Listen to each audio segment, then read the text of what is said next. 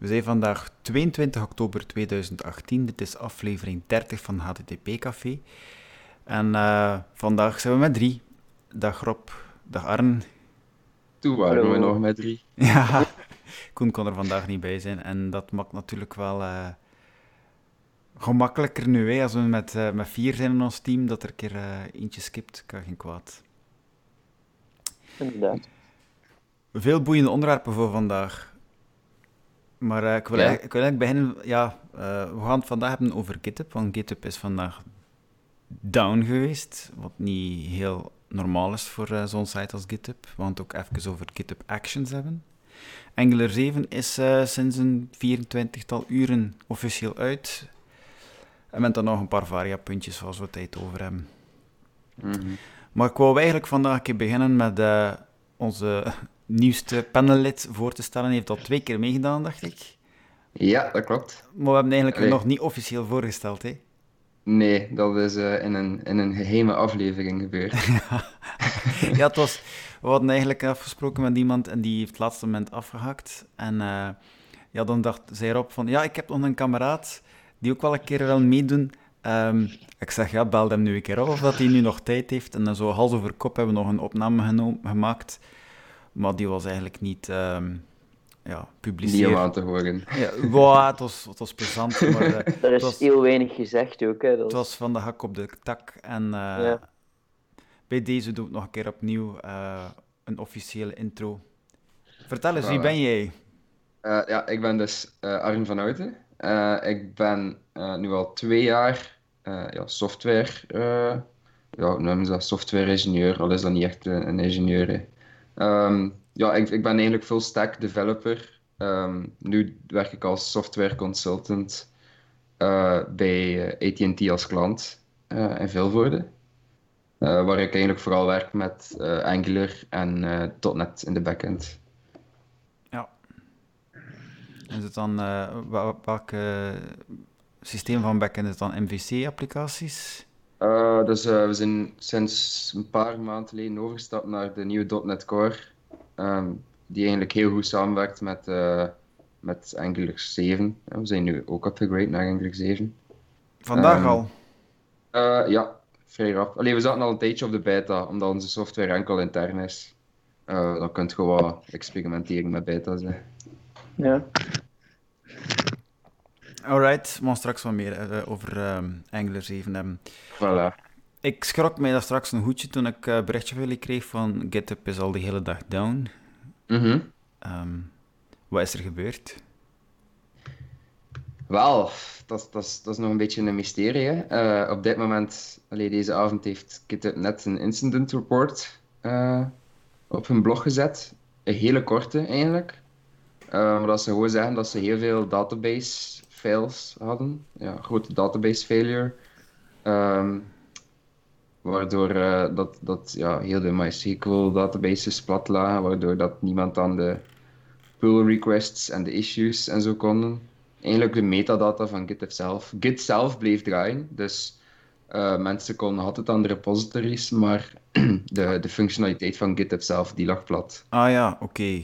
Ja. Oh, dan ben ik wel een beetje niet mee. Dus je kon Git werkte nog, dus je kon ook pushen. Of, uh, of... Pushen werkte niet. Je kon wel. Ah ja, uh, ja. Ah, ja maar lokaal, dat lokaal, lokaal, Git, lokaal werkt alles nog. Je kon ah, altijd ja. ook op de site ja, repositories zien. Dat was geen probleem. Uh, ah, ja. Dus er is ook geen... naar github.com naar een bepaalde repository, dan kon het ook nog allemaal zien. Ja, dat werkte nog okay. allemaal. Maar uh, bijvoorbeeld uh, de webhooks werkten niet meer, de, ja, de, de pull requests, de issues, ja, de issues bekijken en zo, dat werkte allemaal niet meer.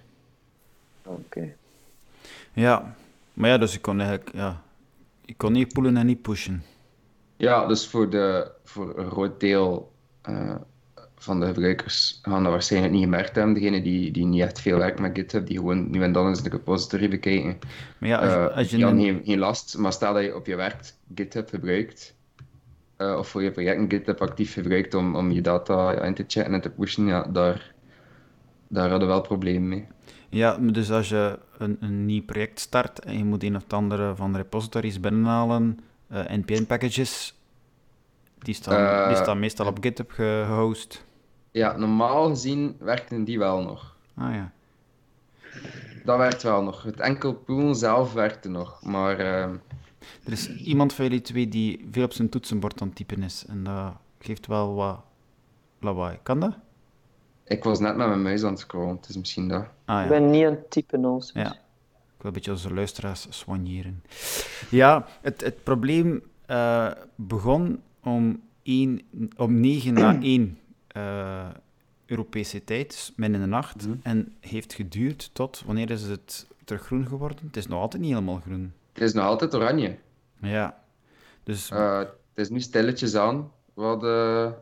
dat is inderdaad al, al, al 20 uren, meer dan 20 Ja, ja, uur, ja. dat spel... ehm, Ja, en, en eigenlijk een volledige werkdag wereldwijd. Hè. Wat denk je dat dat als, als impact heeft gehad op ehm, de developers? Dat, dat is een beetje de grote vraag. Hè. Eh, het gebeurt niet vaak dat iets de grootte van GitHub echt volledig plat ligt. Vooral omdat ja, heel veel developers gebruiken dat voor heel veel projecten.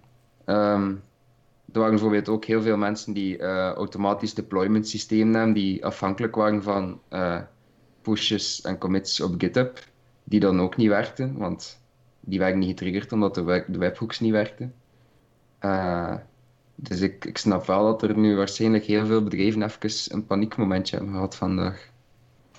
Ja, Ja. ik vraag me af, ik, ik, ik studeer nog, maar hoeveel wordt dat in de, in de echt professionele wereld gebruikt? GitHub zelf? Heel Ah, Ik veel. weet Git, Git systeem op zich, maar waar dat ik al heb gewerkt, is dat over het algemeen een interne server dat ze gebruiken. Ja, veel grote bedrijven hebben natuurlijk voor de meest gebruikte packages wel eh, lokale kopieën staan. Eh, dat wordt gecached, meestal. Maar eh, ja, het zijn toch heel veel kleine bedrijfjes die dat niet doen. En die dus, ja, als, je, als ik nu een nieuw Angular-project wil starten vandaag en ik doe npm install, dan ging een heel deel van de packages gewoon niet binnengehaald worden. Ja, ja, dat is, dat is Nee, natuurlijk nee. iets anders. Dat is natuurlijk iets anders, ja. En, en ja, er is ook een, een GitHub for Business, eh, die ja, toch redelijk wel gebruikt wordt ondertussen ja, door, door vooral veel start-up bedrijven. Microsoft heeft eh, vorig jaar GitHub gekocht. Ja. Eh, alle open source projecten van Microsoft staan op GitHub. Mhm. Alle open source projecten van Google staan op GitHub. Ah ja, GitHub is gewoon de place to be voor open source projecten. En, en, en ja, absoluut. Als je iets nodig hebt, staat wel op GitHub meestal. ja. ja, ik hoop dat dat snel terug in orde komt. En ik heb geen idee wat de gevolgen zullen zijn naar de business toe. Hoeveel bedrijven gaan er nog durven... eh, Ja, en, en ja, voor, voor concurrenten zoals GitLab. GitLab is ook veel kleiner dan GitHub. Ik ben benieuwd wat dat voor hun gaat betekenen. Want ja, als, als er nu een hoop overstappen, en, en, eh, wie kunnen zij dat aan? Ja. ik gebruik voor mijn eigen projecten gebruik ik Bitbucket van Atlassian. Mhm. Ehm, ja, die zullen nu waarschijnlijk, ook wel een keer in hun handjes gevreven hebben van, jee. Veel Ja, inderdaad. Veel mensen die nu gaan over... Ja, ik weet het niet. We gaan zien, hè. Ja, de vraag is inderdaad, waar en wat is er nu exact misgelopen? Hè? Ja, ze spreken Ze hier veel over, veel over Ja. van, van, eh, van eh, data... Wat was het hier? Data storage systemen, veel over. Mhm. Maar ja, ja het is lekker in, in de Formule 1 zeggen ze altijd dat eh een, een, een, een hydraulisch probleem is, maar dat wil eigenlijk niks zeggen. Hè. Alles, Ja, nee, alles is hydraulisch. alles nee, is nee, daar en- hydraulisch en hier is alles met data te maken. En als je zo wat de, de, de, de statuspagina van GitHub bekijkt, zie je toch wel dat er zeker paniek was geweest hoor, bij hen. Want eh, om, om acht uur deze morgen, onze, onze tijd, waren ze al bezig van, oh, maar binnen twee uur gaat alles werken. En dan, en dan zie je twee uur later dat het is, ah, maar binnen anderhalf uur gaat het werken. En Ja, om 12 uur Ja. is het binnen eh, in one hour en a half, anderhalf uur. ja, voilà. Ja, en, en, dan, en het is nog altijd niet opgelost. Hè. Nee. Dus ja, het is, het is, het is zeer vreemd eigenlijk dat dat kan ook gebeuren met zo'n groot bedrijf. Hè. Zeker nu als ze de resources hebben van Microsoft, verwacht je toch. Ja, de, de cloud klinkt al, dat was altijd, eh, ja, dat, dat kon niks mis mee gaan, maar blijkbaar, eh, Ja, nu zie je toch wel, hè. En zou dat een, een invloed hebben, denk je, op, uh, op de, de, uitstraling van Azure? Uh, goh. Ik denk dat die nu redelijk wel los van elkaar gekeken ja, worden. Ik denk niet dat GitHub Azure echt veel gebruikt hoor, op dit moment. Allee, de, de, de overname van Microsoft is nog niet zo lang geleden dat ze waarschijnlijk bezig zijn met, met dingen over te zetten naar, naar Microsoft. Microsoft had ook gezegd tijdens de overname dat ze het GitHub-team eigenlijk voor een groot deel zelfstandig en autonoom ging laten draaien. Maar ze, heeft, heeft GitHub eigen datacenters of draait dat ook op, op Azure? Uh, ik denk eigenlijk ik denk dat GitHub uh, eh, AWS gebruikte. Amazon? Ja. Wacht, ik ga dat eens rap zoeken misschien. Ja. Het is wel grappig om die, om die logs te zien van die, uh, allee, die status-updates. Is het zo constant. We proberen het binnen een uur, we proberen binnen anderhalf uur. En het wordt zo altijd verlaten, verlaten, verlaat. Ja, als op een gegeven moment stoppen met, met er een tijd op te plakken, omdat het blijkbaar toch niet, uh, toch niet lukt. Maar ik zou niet graag in dat team zitten die dat moet nee, uh, fixen. Dat moet stress zijn. vreselijk zijn. En, en zeker, het is gebeurd op een zondag. Hè. Dus heel veel developers waren gewoon thuis. ja, aan het genieten ja. van het weekend. En zondagavond dan. Voilà, en dan wordt er plots opgebeld van... Om de week te beginnen. Ja, ja inderdaad. Alright, um, tweede onderwerpje. Uh, de link is vrij snel gelegd. GitHub Actions. Ja. Ik ben niet ingelezen in dat onderwerpje.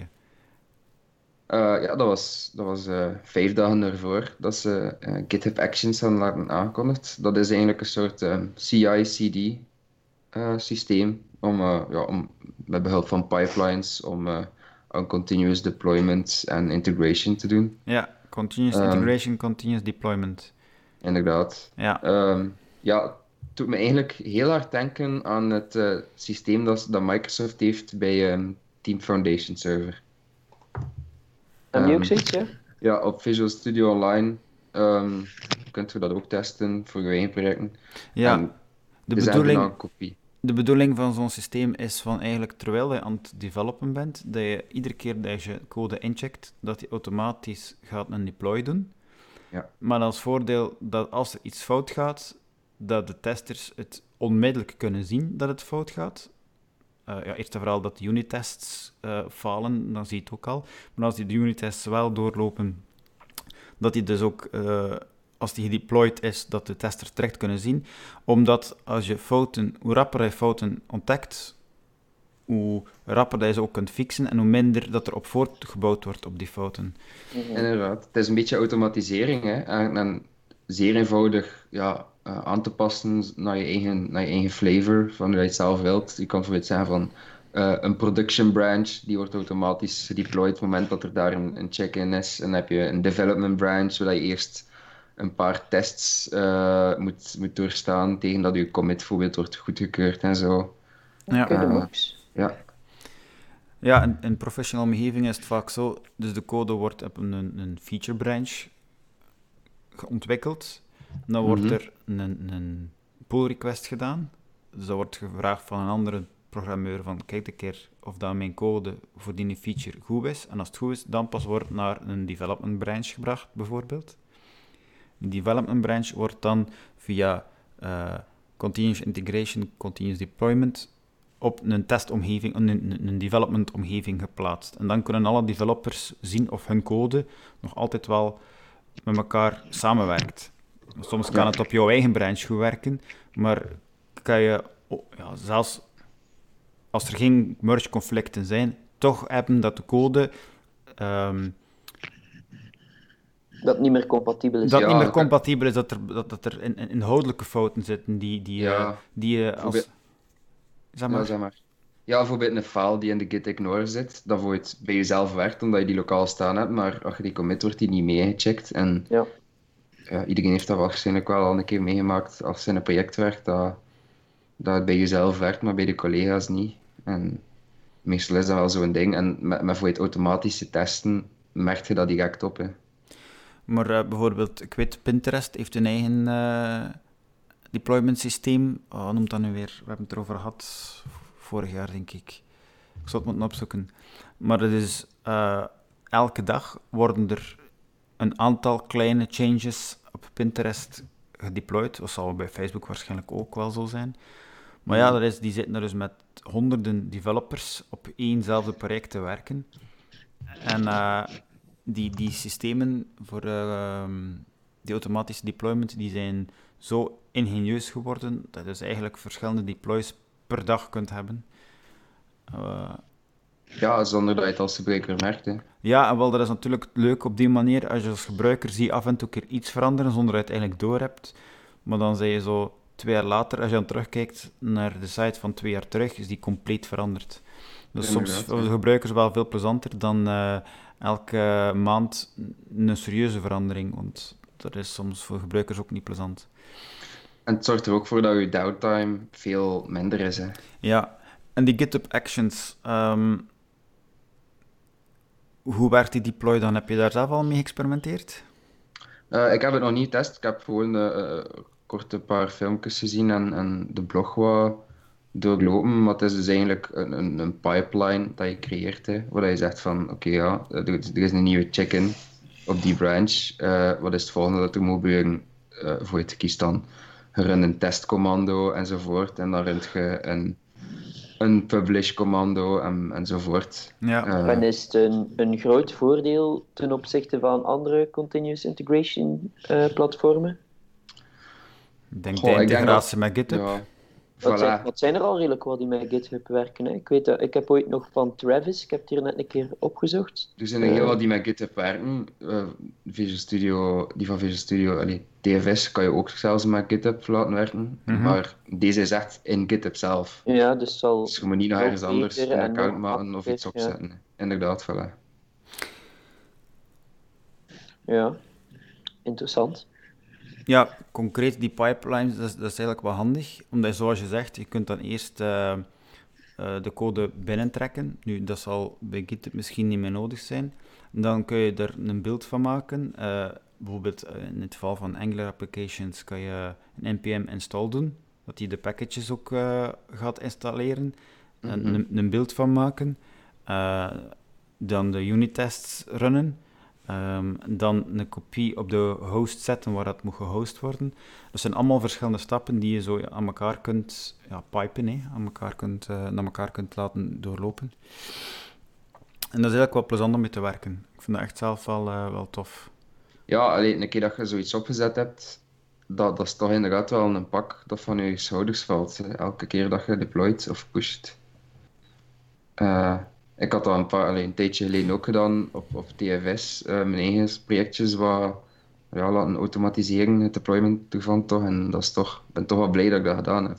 Ja, het leuke is ook als je in een team bent en er is één iemand die die deploys opzet. Vanaf dan kan iedereen uh, nieuwe deploys activeren. Ja. Inderdaad, ja. Je, uh, je moet niet wachten. Je moet niet allemaal dat deployment rechten hebben. Je moet niet allemaal weten hoe die deployment werkt. Als developer is hij eigenlijk aan je gemak. Je kunt gewoon de code binnenhalen, ontwikkelen, push doen en al de rest gaat in principe vanzelf. Voilà. En als je iets gemaakt hebt en je pusht het en vijf minuten erachter krijg je een, een, een melding uh, of een berichtje of een e-mail van uh, all tests passed enzovoort. Dat is toch, ja, toch wel een kleine dopamine release. Geruststelling, Mm um, volgend onderwerp. Angular heeft uh, versie 7 gelanceerd. Ik was daar straks nog naar YouTube-video's aan het kijken en ik had zo'n video gezien van iemand die, die hem ontzettend aan het uh, frustreren was over het feit dat Angular om het half jaar een nieuwe versie released. En die zegt van ja, we hebben onze versie gemaakt uh, acht maanden geleden. We zijn al twee releases achter. Je vertelt maar aan de klant dat je twee releases achterloopt. Dat is, uh, dat is waanzin. Maar ja, langs, wow. langs de andere kant, het zijn allemaal kleine upgrades. Het is niet dat het een heel ander framework geworden is. Nee, en in 90% van de gevallen is gewoon even een NPM-update laten draaien genoeg om weer mee te zijn. Hè. Het is niet dat je moet grote dingen code herschrijven. Van, van voor... 5 naar 6 uh, is uh, een update van ArcGIS gedaan. Dus, dus ja, het, het, het, reactief gedeelte. En uh, dat was toch een, een, een, aanpassing in de code hoor. Um, dat wel, ja. Ze hadden een, nu hebben ze dat ook weer gedaan, van 6 naar 7. Met een simpel commando kan je eigenlijk je applicatie upgraden van 6 naar 7. Ik heb het zelf nu nog niet gedaan. Het schijnt dat echt wel niet veel inhoudt. Van 5 naar 6 was het toch wel even um, alles controleren. Want uh, het, meeste werkte wel. Um, wat ze bijvoorbeeld gedaan hadden uh, van 5 naar 6, dat was um, in plaats van de hele library binnen te halen, bijvoorbeeld van RxJS, de hele library, enkel die, die componenten uit de library binnenhalen en niet de hele library. En dat is als voordeel natuurlijk, als je dan een beeld maakt, dat die beeld veel kleiner is.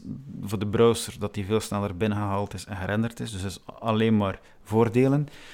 Uh, maar ja, als je code gewoon import RxJS was. Je moet nu elk onderdeeltje apart, een map, een switch map, allemaal apart gaan, gaan importeren. Dat was wel even wat werk. Maar de upgrade van 6 en 7 zou minder uh, indrukwekkend zijn wat dat betreft. Nee, die is echt heel makkelijk gedaan. Um, NG-update of wat is het? Ja, er is ook een site van Angular waar dat je gewoon moet selecteren van hey, ik wil upgrade van 6 naar 7. En dan zegt hij gewoon wat je moet doen. Ja, dus uh, om zelf je Angular zelf, want je hebt je, je CLI en je Angular Core, die dus uh, globaal uh, geïnstalleerd zijn allemaal zijn op je computer als je met Angular werkt. Dus daar moet je wel een update voor doen. ng update Angular CLI en Angular Core. Um, en dan is je computer in principe geüpdate. En dan ja, um, de grote veranderingen die ik, die ik op het eerste moment zie, um, als je een Angular via Angular CLI bijvoorbeeld een nieuw project start, dan uh, vraagt hij ook dingen die je vroeger niet vroeg. Bijvoorbeeld, uh, moet ik routing toevoegen? Uh, would you like to add Angular routing? Um, vroeg je dat vroeger niet? Nee, dat moest je met de hand toevoegen. Oh. en nu hebben ze dat mee in CLI gestoken. Um, hij stelt ook vragen. Vroeger stelde hij geen vragen. En dat is dankzij die schematics die in CLI zitten. Die zijn er in zes bijgekomen, die schematics, denk ik dat zes was. Dus dat maakt het mogelijk voor gelijk welke developer om zelf ehm, dingen toe te voegen aan Angular CLI. Dus als je in een bepaald formaat commando's toevoegt aan je config, dan kan je dus je Angular CLI, ng, met een commando erachter, kan je er zelf aan toevoegen. Zo heeft bijvoorbeeld ook um, de Material Design voor Angular een eigen schematics toegevoegd. En dus als je dus ng, denk add material design of zoiets, en dan nog een commando data table, dan maakt hij een component met een data table direct uh, van material design. En dat is echt wel super krachtig. En dus bedrijven die, die hele grote Angular applications uh, bouwen, die kunnen eigenlijk hun eigen schematics uh, maken met hun eigen componenten en zo in. En dat is wel krachtig. Maar dat was er in, in 6 al bij. Dus nu is het een beetje verder uitgebreid in 7. Ehm, er schijnt weer een goede verbetering te zijn uh, naar snelheid toe. Het is allemaal weer nog een beetje kleiner gemaakt. Um, die niet nodig worden, waren of zijn worden automatisch toegevoegd of verwijderd. Um, je krijgt ook een melding nu als je application bundle, dus een keer dat je het ge, ge, gedeployed hebt, uh, als die meer dan 2 megabyte is, krijg je een, een, warning. En als die meer dan 5 megabyte groot wordt, dan krijg je een error. Maar ja, een JavaScript applicatie van meer dan 5 megabyte, denk ik niet dat dat de bedoeling is. Dat wordt toch niet te veel meer gedaan, hoop nee. ik. Nee. Um, nog een verandering, uh, en dat was degene die jullie zelf het meest spectaculair vonden. Dat was um, de CDK uh, eh, scrolling module. Inderdaad, ja. Die dus mogelijk maakt om infinite scrolls te maken. Ja, ik, ik vond het vrij impressive. Uh, vooral hoe uitgebreid dat het eigenlijk niet was. Want ik zag eerst een, een, een GIF waar dat ze deden met foto's.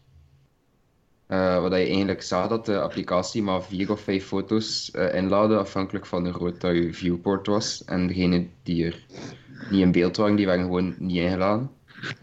Ehm, maar nu zie ik ook dat, het, dat er echt drag-and-drop uh, systemen zijn die mogelijk zijn met die uh, virtual scrolling. Dat is een aparte, ah, dat is een aparte module. Dat is, anders, hè? is dat een aparte module? Ja, dat is een aparte ah, module. Ik dacht dat dat zou... Ah, oké. Okay. Never mind. Ik vond, die, ik vond die ook wel impressionant, maar die virtual scroll vond ik... Uh, ik, ik, ik, wist eerst niet zo goed wat dat ze ermee bedoelde, dus ik ben dan beginnen opzoeken. Maar dan blijkt dat dat eigenlijk ook wel mogelijk al was met vorige Angular-versies. Ja, vroeger moest, je dat, moest je dat zelf allemaal, allemaal zelf gaan doen, terwijl nu is er een, een, ja, een module die dat voor jou doet, die deel uitmaakt ja. van CDK, uh, waar die nou samenwerkt met Angular Material. Um, maar ik heb het jezelf bekeken en um, ja, die is natuurlijk wel handig, maar je moet wel zelf natuurlijk nog altijd de link naar de backend leggen. En ik heb een, een tutorial gezien hoe dat je het uh, met uh, Firebase doet. En um, het is niet heel moeilijk, maar een beginnende Angular developer zal nog niet direct mee weg zijn. Het is echt... Uh... Die virtual scroll met ja. Firebase. Ja, je, ja. Moet, je moet dus echt wel de link leggen naar de backend en dan ook iedere keer meegeven... Um, waar dat je zit en, en, en welke nieuwe versie dat je moet gaan downloaden. Uh, ja. Je moet ook met de juiste, uh, niet met een switch map, met een, met een merge map doen, uh, zodanig dat je dus, stel je hebt de eerste 100 ingeladen en je laat er dan 20 bij, maar er verandert iets in de database in de eerste 100, ja, dan moet dat ook real-time in applicatie mee aangepast worden, want zo werkt, ja, ja, zo werkt Firebase. Dus je moet daar ook rekening mee houden. Um, je moet, ja, je moet dus werken met viewport. En ja, het is, het is, het is, um, het is niet zo... advanced als dat eruit ziet. Ja, het is, ja. Niet, het is niet zo heel moeilijk, maar, maar het is toch ook niet... Uh, het is geen drag and drop. Nee, het is wel wel werk, dat is waar. um, en ik denk, ja, een groot deel van de toepassing, als je gewoon een lijst toont, ga je dat niet zo hard nodig hebben. Maar ja, voor, de, voor degenen die echt enorme lijsten gaan hebben, uh, daarvoor, daarvoor heeft dat wel zeker zijn nut. En is dat toch wel handig dat dat bestaat, denk ik. Mm Wat mij ook opgevallen was, uh, de Angular Firebase, dus vroeger was dat Angular Fire en dan Angular Fire 2, dat die nu gewoon deel is van het Angular um, de Angular dingen zelf. Dus je hebt het... Ja, dat heb ik ook wel al gemerkt, dat die meer en meer aan het vernauwen zijn. Ja, ja dus, dus uh, Google is echt Firebase aan, aan het pushen en, en wordt mee in Angular uh, binnengetrokken.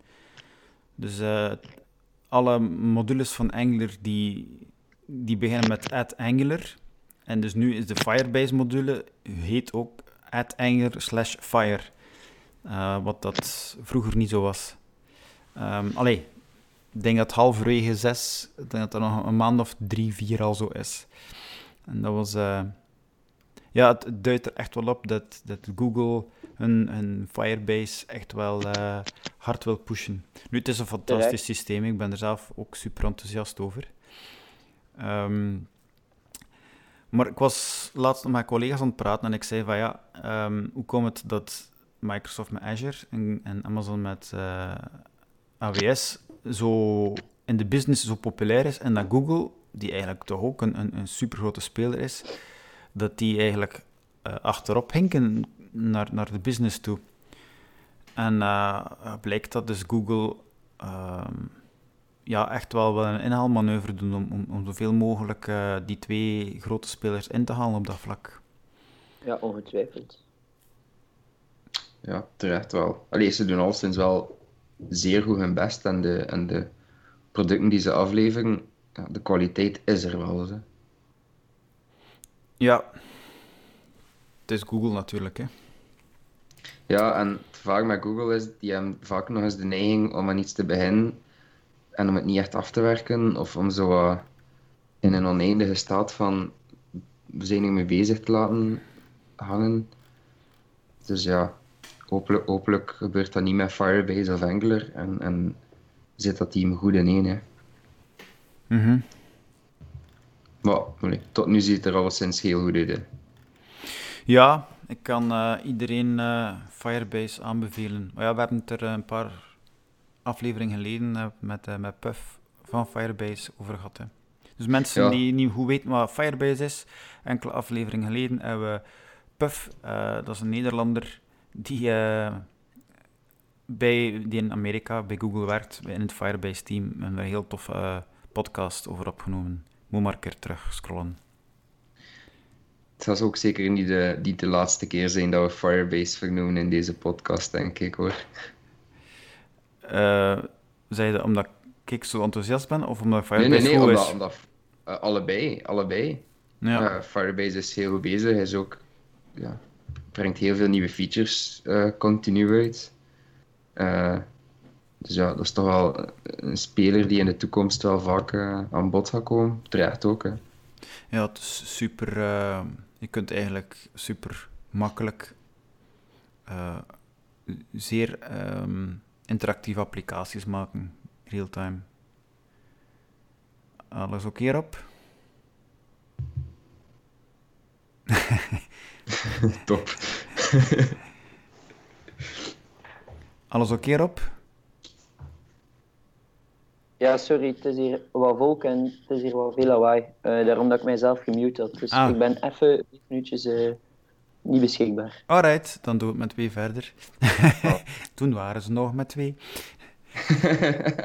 Top. Tim Berners-Lee heeft commentaar. Ja. Um, ik... is een beetje misnoegd over het web. Ja, dat... ik zit al lang met datzelfde idee. Ik ben blij dat hij mij volgt. ja, misschien had je beter uh, een keer gepitcht bij hem om wat start-up money en investment money te krijgen. Ja, uh, het, het, is zoveelste keer. Hè. Dus eh, Facebook is ja, het, het web aan het... Uh, ja, het toch niet de, de, privacy op het web compleet om zeep aan het helpen. Ja. En uh, Tim Berners-Lee, die dus um, de mede-oprichter is van het World Wide Web, um, ja, die kreeg het op zijn heupen en die is een start-up begonnen. Um, waarbij dat iedereen eigenlijk zijn eigen servertje kan hosten met zijn eigen privédata. En die zouden dan peer-to-peer gewijs met elkaar kunnen gekoppeld worden? Of hoe... Uh, ja, zoiets eigenlijk. Dus um, iedereen kent wel een beetje het principe nu. Um, stel je hebt bijvoorbeeld een, een Google-account of een Facebook-account. Sommige websites kan je inloggen via Google of Facebook en dan uh, zegt Facebook van hey, sta je toe dat, dat eh, fubble.com eh, jouw naam en uw e-mailadres en zo gebruikt. en dan, dan kan die site dat, dat opslaan. Het is zoiets gelijkaardigs, maar in plaats dat die informatie bij Facebook staat, staat het bij jou, bij je thuis en, en beheer zelf al die data. en stel dat je dan een Facebook-account aanmaakt, dan, dan, dan ja, geef je Facebook toegang tot, uh, tot die box en tot, ja, tot zover dat je het limiteert. Hè. Dus ik kan voor je zeggen, ja, enkel, enkel mijn naam wil ik vrijgeven of ik wil heel mijn levensgeschiedenis dat erop staat. Uh, maar en, denkt u dat dat oprecht gaat ga werken? Ja, ik heb er een beetje mijn, ja, toch wel mijn vragen bij. Ik krijg zo heel hard het gevoel van eh, de, het gevoel van, dat ik ook had met al die Twitter-clones en Facebook-clones die meer op privacy gefocust zijn. Het lijkt mij allemaal nogal veel. Het is altijd zo net iets te veel werk voor de gewone mens om het te doen. Plus, Inderdaad. Niemand is ermee bezig dan daar. Allee, niemand zit op die platformen. Hier is dat dan wat anders met die, met die websites. Maar ik weet het niet. Ik zie, er, ik zie het gelijk niet slagen, maar ja, allee, en, en stel, heeft iedereen een doos uh, waar dat ze alles op zijn en binnen een jaar is er een, een of ander security lek. Uh, want ja, dat is iets dat hackers uh, vrij op gaan inspelen, want ze hebben, ja, ze hebben al uw data als ze binnen gaan. Ja. En stel, er is een veiligheidslek, ja, niet iedereen gaat dat updaten. Hè.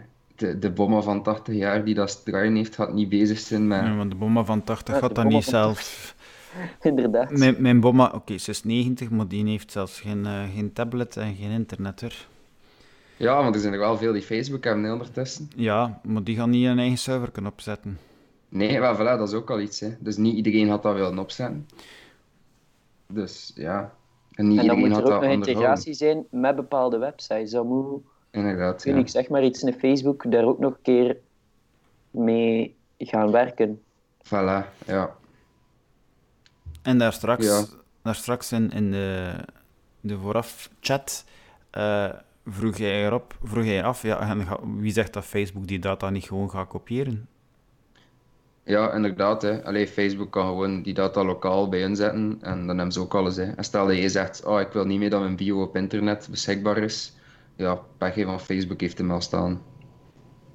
Ja, het, het, ik, heb er, ik heb er mijn, serieus mijn vragen bij of dat, of dat het gaat werken en of dat, ja, dat iedereen zich aan de regels houdt en of dat de regels er überhaupt te maken zijn, dat dat, dat, uh, dat, dat te volgen kan zijn. En, maar, en vind je daar Tim Berners-Lee dan um, naïef is? Of vind je van het eigenlijk wel goed is? Dat hij uh, toch een keer aan de laan denk dat die mens oneindig veel slimmer is dan ik, dus die zal er wel over nagedacht hebben en die zal wel een idee hebben hoe dat dit moet aanpakken. Uh, maar ik ben zeer benieuwd hoe, dat hij, het, hoe dat hij het gaat doen en wat dat zijn, concreet zijn plan is.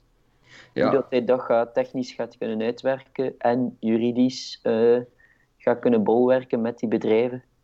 Ja, het is de eerste keer niet hè, dat Tim Berners-Lee laat weten dat hij toch ja, niet 100% tevreden is met hoe dat internet is uitgedraaid. En ik denk dat hij zo wat wanhopig probeert om, om ja, iets nieuws te doen of om, om de foutjes wat recht te trekken. En, maar ik denk, ik denk niet dat er veel succeskans is. Mm Ja. We zullen zien. Ik vind het technisch wel heel boeiend. Uh, ik ben echt benieuwd hoe ze het technisch gaan aanpakken. Maar of de, de, de eindgebruiker ook effectief zal gebruiken, daar heb ik inderdaad ook wel... Uh... Felle, ja. Dat is hetgeen wat ik op mij ook vragen bij stel. Ja, we hebben het gezien uh, enige jaren terug, 2011 denk ik, toen uh, Google een eigen uh, social netwerk lanceerde. Dat zat technisch eigenlijk zelfs beter in elkaar dan Facebook, maar Google Plus is nooit echt van de grond gekomen. Nee. Ah ja, omdat, ja, omdat die gebruikers inderdaad afwezig bleven. Hè. Ja, het is zelfs onlangs.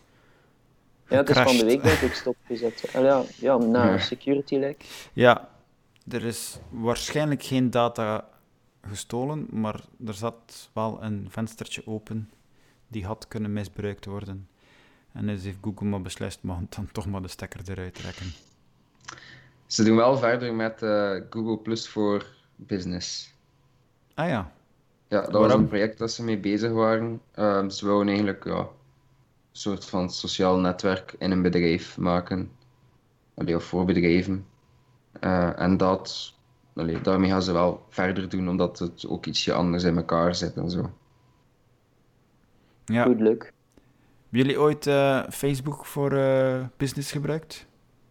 Facebook voor business? Ja. Nee. Nee. Ik heb dat ene keer uh, bij een bedrijf die dat gebruikte, maar dat zat zo...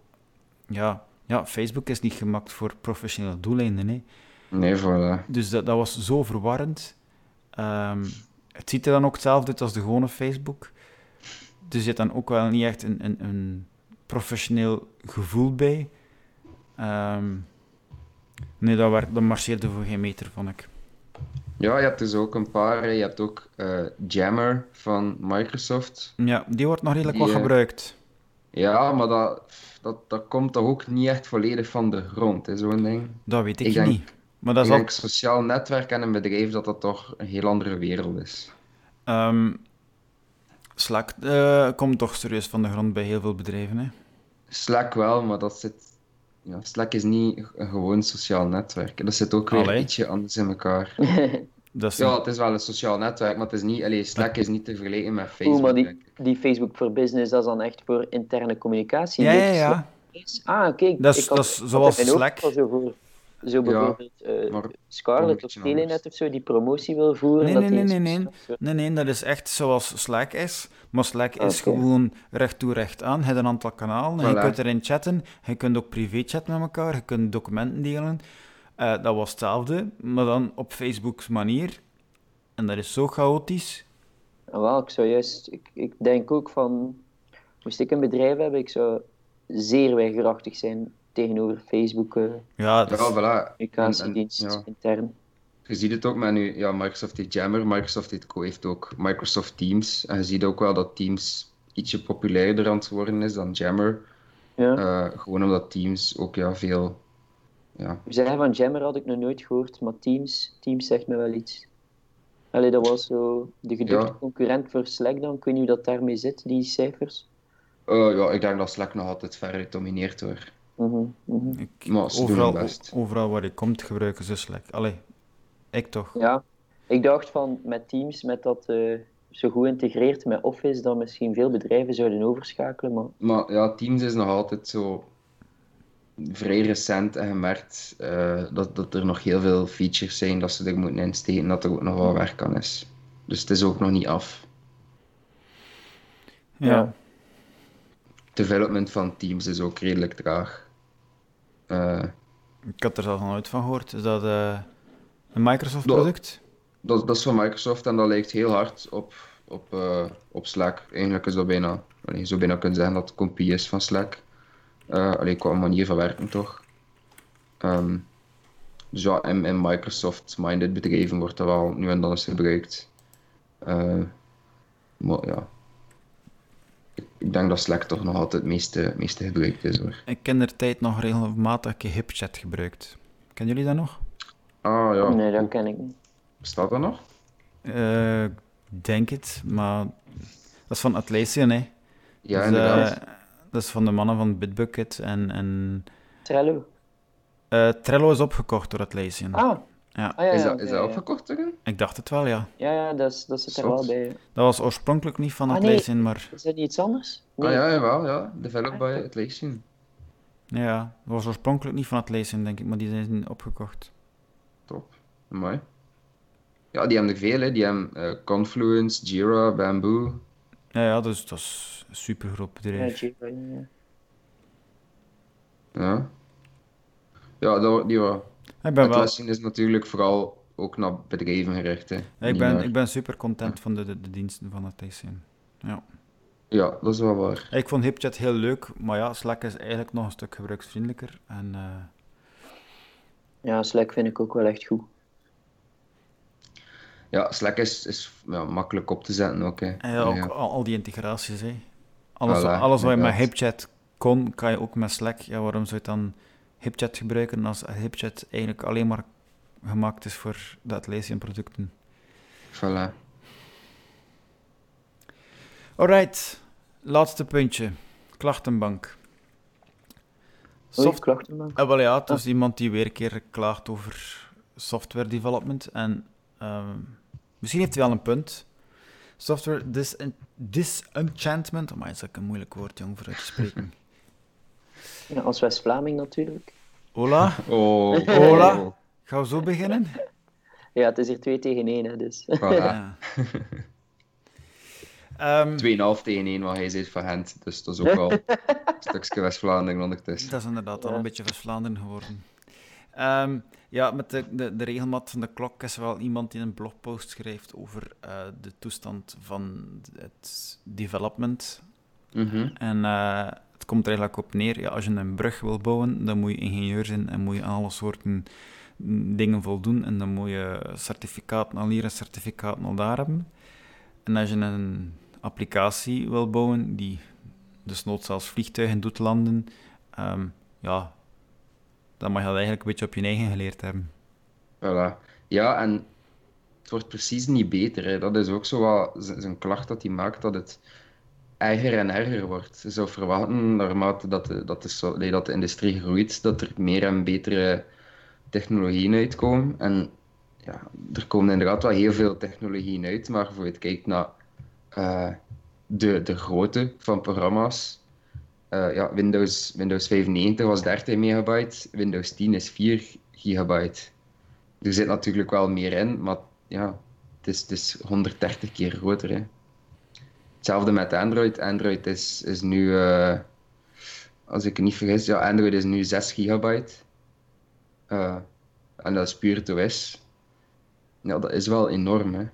Vergeleken met vroeger. Allee, in de Ja. jaren 90, in de jaren 90, 6 gigabyte, dat klonk als een droom. Stel dat ze onbeperkt budget hadden en onbeperkt aantal developers die onbeperkt hoeveel tijd zouden kunnen werken, zouden ze die OS'en in een veel kleinere grootte, kleinere grootte krijgen.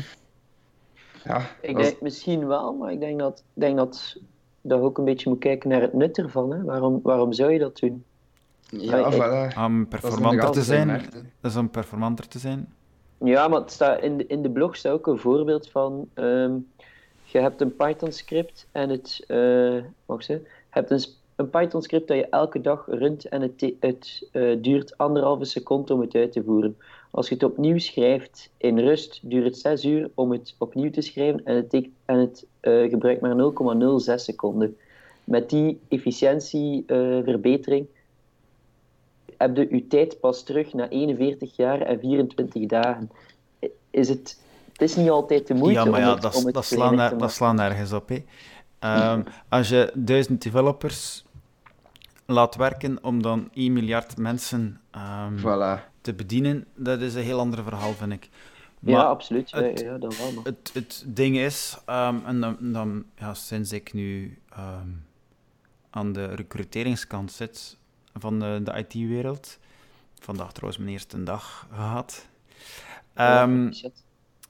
ja, voor de mensen die vorige aflevering niet tot het einde geluisterd hebben, ik ben eh, naar de overkant van de tafel gelopen en ik ga nu, ik weet niet of dat tijdelijk is of, of definitief, eh, geen eh, developer meer zijn professioneel, maar ik ga nu professioneel recruiter zijn. Maar Ieder- iedereen die naar deze podcast luistert, krijgt eh, straks een eh, LinkedIn-invite. nee, maar ik, ik, ehm, ik, ik, ik ga niet zo de recruiter zijn die LinkedIn afschuimt en dan eh, de een achter de ander belt en, en, en lastig valt. Ik zie mezelf eerder eigenlijk als, als link tussen de developers en de, eh, en de HR. Ehm, het is heel moeilijk om, om senior profielen nog te vinden. Ehm, zelfs hoge lonen zijn ook geen garantie meer. Ehm, ja, de lonen zijn eigenlijk al heel hoog voor, voor senior developers. Ehm, dus ja, is het voor mij wel een leuke uitdaging om mijn netwerk uit te breiden en met, met developers te gaan praten en meetups te gaan meedoen en zelfs helpen absoluut. organiseren, eh, podcastjes maken over webdevelopment. Eh, pas op, ik word hier nu niet voor betaald. Hè.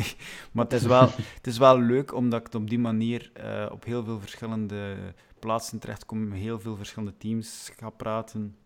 Dus eh, voor mij vind ik het super boeiend om, om te doen.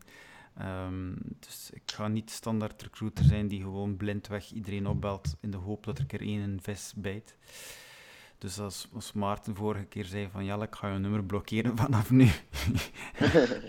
dat hoeft niet, niet te doen. Maar waar ik op dus wou komen, ehm, er zijn zoveel developers nodig. Iedereen wil automatiseren, iedereen wil eh, Mhm. extra diensten aanbieden. En er is gewoon niet genoeg werkvolk. En ehm, ja, tegen dat je juniors opgeleid hebt tot media en senior, ja, zijn we weer heel veel jaren verder. En, en de technologieën staan ook niet stil, hè. Ehm, Nee, ja, dat, is- dat is iets dat hij aankaart. Hè, dat al, al, al respect, maar eigenlijk elke Angular developer ehm, is een beetje junior, hè. Op, een paar, op een paar na, want Angular bestaat nog maar een paar jaar. Dus het is niet dat je zegt van ja, ik heb al twintig jaar ervaring in Angular. Ehm, ik voel mij soms ook nog een noob en ik heb ondertussen al vier jaar ervaring in Angular. Ik denk van, tju, dat weet ik nog niet. Of Mhm. daar moet ik toch ook een keer serieus over, over opzoeken hoe dat ik dat moet doen. Ehm, de technologieën zijn nog altijd zo nieuw dat het niet anders kan dan, eh, dan af en toe knallen. En wat ik zelf ook ervaar, eh, de business, dus de klant, diegene die de applicatie wil laten bouwen, ehm, die wil een oplossing zonder dat ze eigenlijk goed weten wat dat die oplossing moet bieden. Ik, eh, ik zie heel vaak eh, dat teams zitten te wachten tot de klant eindelijk beslist heeft wat er moet gemaakt worden. Ze willen een nieuw portaal en ze willen dat dit en dit erin zit. Eh, maar als het dan concreet moet worden, ja, dan moeten ze nog een keer overleggen en nog een keer over nadenken. En dan komt die met dat voorstel en dat vindt een ander dan niet goed. En dan uiteindelijk, tegen dat dan beslist is, zijn de developers al drie keer eh, moeten herbeginnen. Eh, Voilà. En dan krijg je code die, die, ja, die eigenlijk bijna mag weggegooid worden en opnieuw geschreven worden om, om terug helemaal goed te zitten. Dus dan krijg je wel uh, ambetantigheden, hè. Ja, en dat is, eigen aan, dat is eigen aan onze industrie. Hè. Je gaat niet tegen een architect zeggen van, ja, bouw mij een huis. En een keer dat de, dat de kelder er is, zeggen, oh, maar ik wil, ik wil nog, een, ik wil nog een, een zwembad erbij en nog een verdiep extra en maak het in hout in plaats van baksteen. ja. Ja, wel, dat is, het is dat. Ik denk dat, dat inderdaad business denkt gewoon te rap van, ah ja, het is maar IT, dus maar een paar lijntjes code veranderen of een paar lijntjes mm code opnieuw. En ze zetten rap rap iets op papier en dan de developers zullen het wel oplossen. Maar zo werkt het niet echt. Ik, ik heb nog in Teams gezeten, in, in de kick-off vergadering, de allereerste vergadering, zaten we dan met twintig man rond de tafel.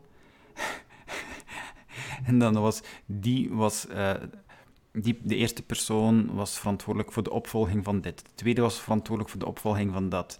En dan zaten we zo met drie developers aan tafel.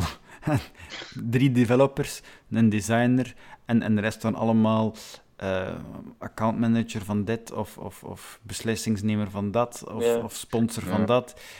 En je moet allemaal een zegje doen en dan zijn er eigenlijk drie of vier developers die effectief het werk doen. Um, dus ja... ja en, en, die spreken dan ook elkaar elke meeting een keer tegen, of ja... Ja.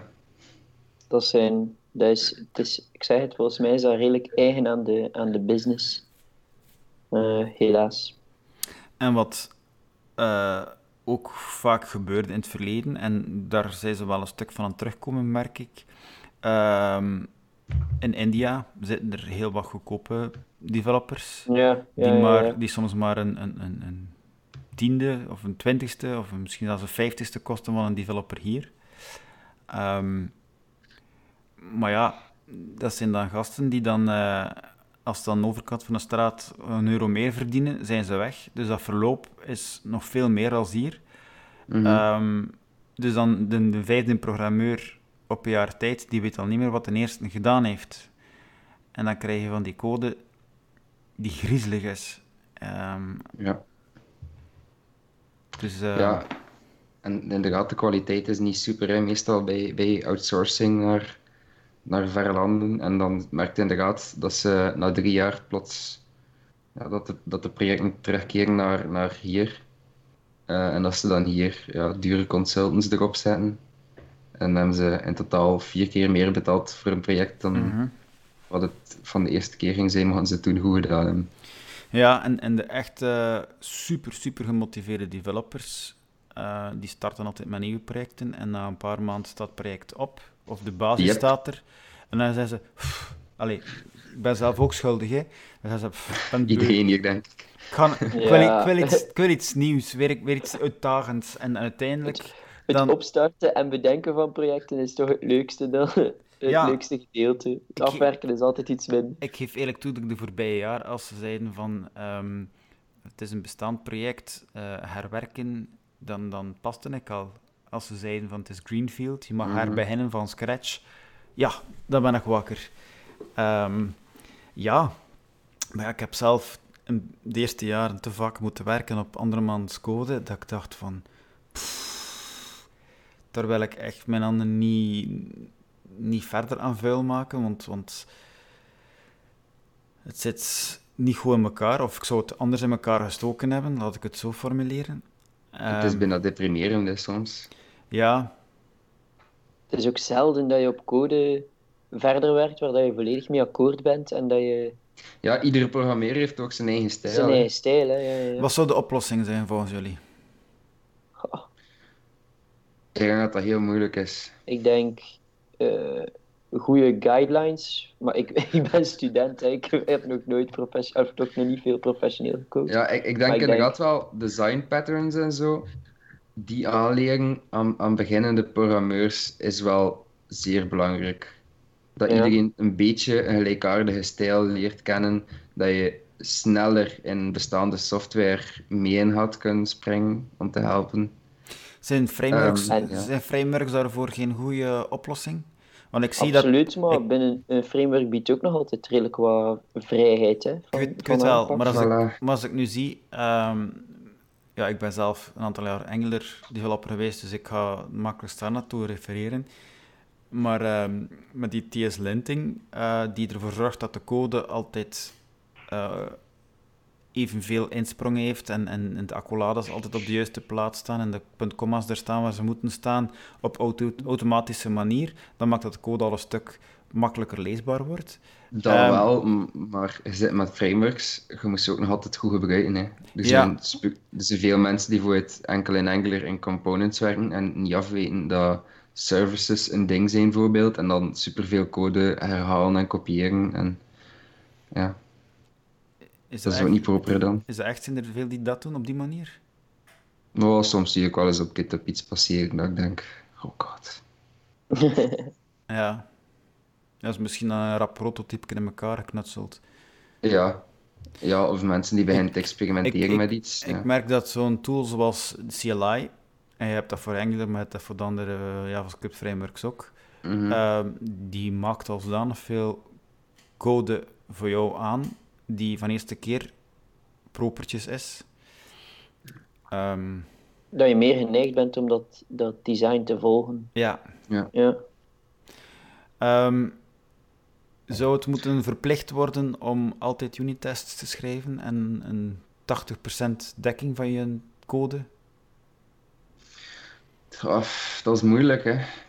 Ik vind dat niet, ik denk dat niet elke applicatie zich daartoe leent. Soms zijn, maak je echt kleine dingetjes. Op mijn vakantiejob heb ik, heb ik soms ook echt allee, kleine, dat gewoon voor intern gebruik een keer gebruikt wordt, dat je op, op twee dagen schrijft. Ik vind dat dan een beetje onnozel om daar direct unit-tests bij te schrijven. Ja, ik zelf maak eigenlijk liever integration tests aan dan unit tests. Ehm, omdat ik vind unit tests vaak, ja, afhankelijk van de toepassing wat je maakt, niet even nuttig soms. Ehm, of gewoon overkill. En integration tests zijn daarin soms beter, zeker voor dingen als websites. Maar ja, het is, het is heel veel moeite dat je erin steekt. Het is zeker handig, een keer dat je het gedaan hebt. Eh, Absoluut, ja, ja, ja. en, en in combinatie met een CI/CD-systeem dat we het eerder over hadden, is dat, is dat, ja, dat, dat bespaart je uren werk uit. En, en soms gaat je veel rapper bugs ontdekken dan, dan dat je anders ging doorhebben als je het in productie zet.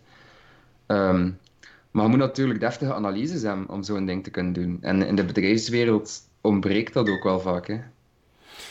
Ja, ik zelf, ehm, moest ik onbeperkt tijd en, en budget hebben, eh, dan zou ik sowieso voor alle services eh unit-tests willen schrijven en dan components eerder eh, integratie, integratietesten. Denk ik dat Mhm. dat de Ja. ideale combinatie is. Maar ja, het probleem is dat heel vaak de budgetten er niet zijn voor Voilà. tests te schrijven. Dus Ja. het, komt, het komt er eigenlijk altijd op neer, geef ons gewoon meer geld. En ja, en laat, laat developers developen en laat analisten analyses schrijven en mix dat niet door elkaar. Wow, Eh, en waarom niet? goh, ik vind dat altijd jammer als je als developer je dan zo nog moet bezighouden met uitzoeken wat precies dat de klant wilt. Eh, Ah, ik vind dat net zo'n grote meerwaarde. ah, ik niet. Allee, ik ben iemand die volop voor de technische kant gaat. Eh, en, en de analyse is iets dat ik gewoon op papier wil hebben, dat ik weet wat ik moet doen en dat is het. En niet dat ik nog zelf moet uitpluizen van, ja, maar wat precies willen ze hier? Ja, ik merk als ik stories uitgeschreven krijg, dat ik denk van ja, als je die drie stories één van gemaakt, dat ging technisch veel makkelijker eh, in elkaar zetten. En dan die Mhm. andere story, dat kon je eigenlijk beter in drie gesplitst hebben. En ik, ik, Ja, ja, ja. ik heb altijd wel mijn goesting, goesting om daar mijn zegje over te doen. Ja, Ja, ja. dat wel, dat wel. Maar het is natuurlijk, het is ambetant als je een story krijgt die super vaag is en dat je zelf nog eh, aan, Ja, dat- aan 20 mensen moet mail sturen van, ja, maar ho- hoe zit dat nu juist? Er is inderdaad een verschil tussen een keer zegje doen over wat dat er op papier staat, ten opzichte van een, een half papier krijgen en dat je de helft zelf nog moet invullen. Voilà. Ja, de, de, de project dat ik gedaan heb met, met die manier van werken, ehm, gingen wij altijd, op het moment dat, ik- dat we een story openen, ging ik eh, samenzetten met de proxy die dus de analysewerk gedaan had en die dus de, de, de story uitgeschreven had, om zeker te zijn dat ik alles goed snapte wat er neergeschreven was. Voilà, maar dan heb je iemand die analyse schrijft. Maar er zijn zoveel bedrijven die dat niet hebben. Die gewoon Ja, verwachten dat de developers dat doen. ja. Ja. Nee, bij ons in, in, in CGK is echt, wordt dat echt wel... eh, een, Mhm. een team bevat proxies die, die dus de analyses maken en met de klant samenzitten, die dan met de developer samenzitten om te kijken of dat eh, de developer weet wat hij moet maken. En dat analysedocument, de klant heeft dat goedgekeurd, dus er is nadien ook geen discussie meer eh, van is de developer wel aan het maken wat de klant wil, want het staat op papier. En, eh, Voilà.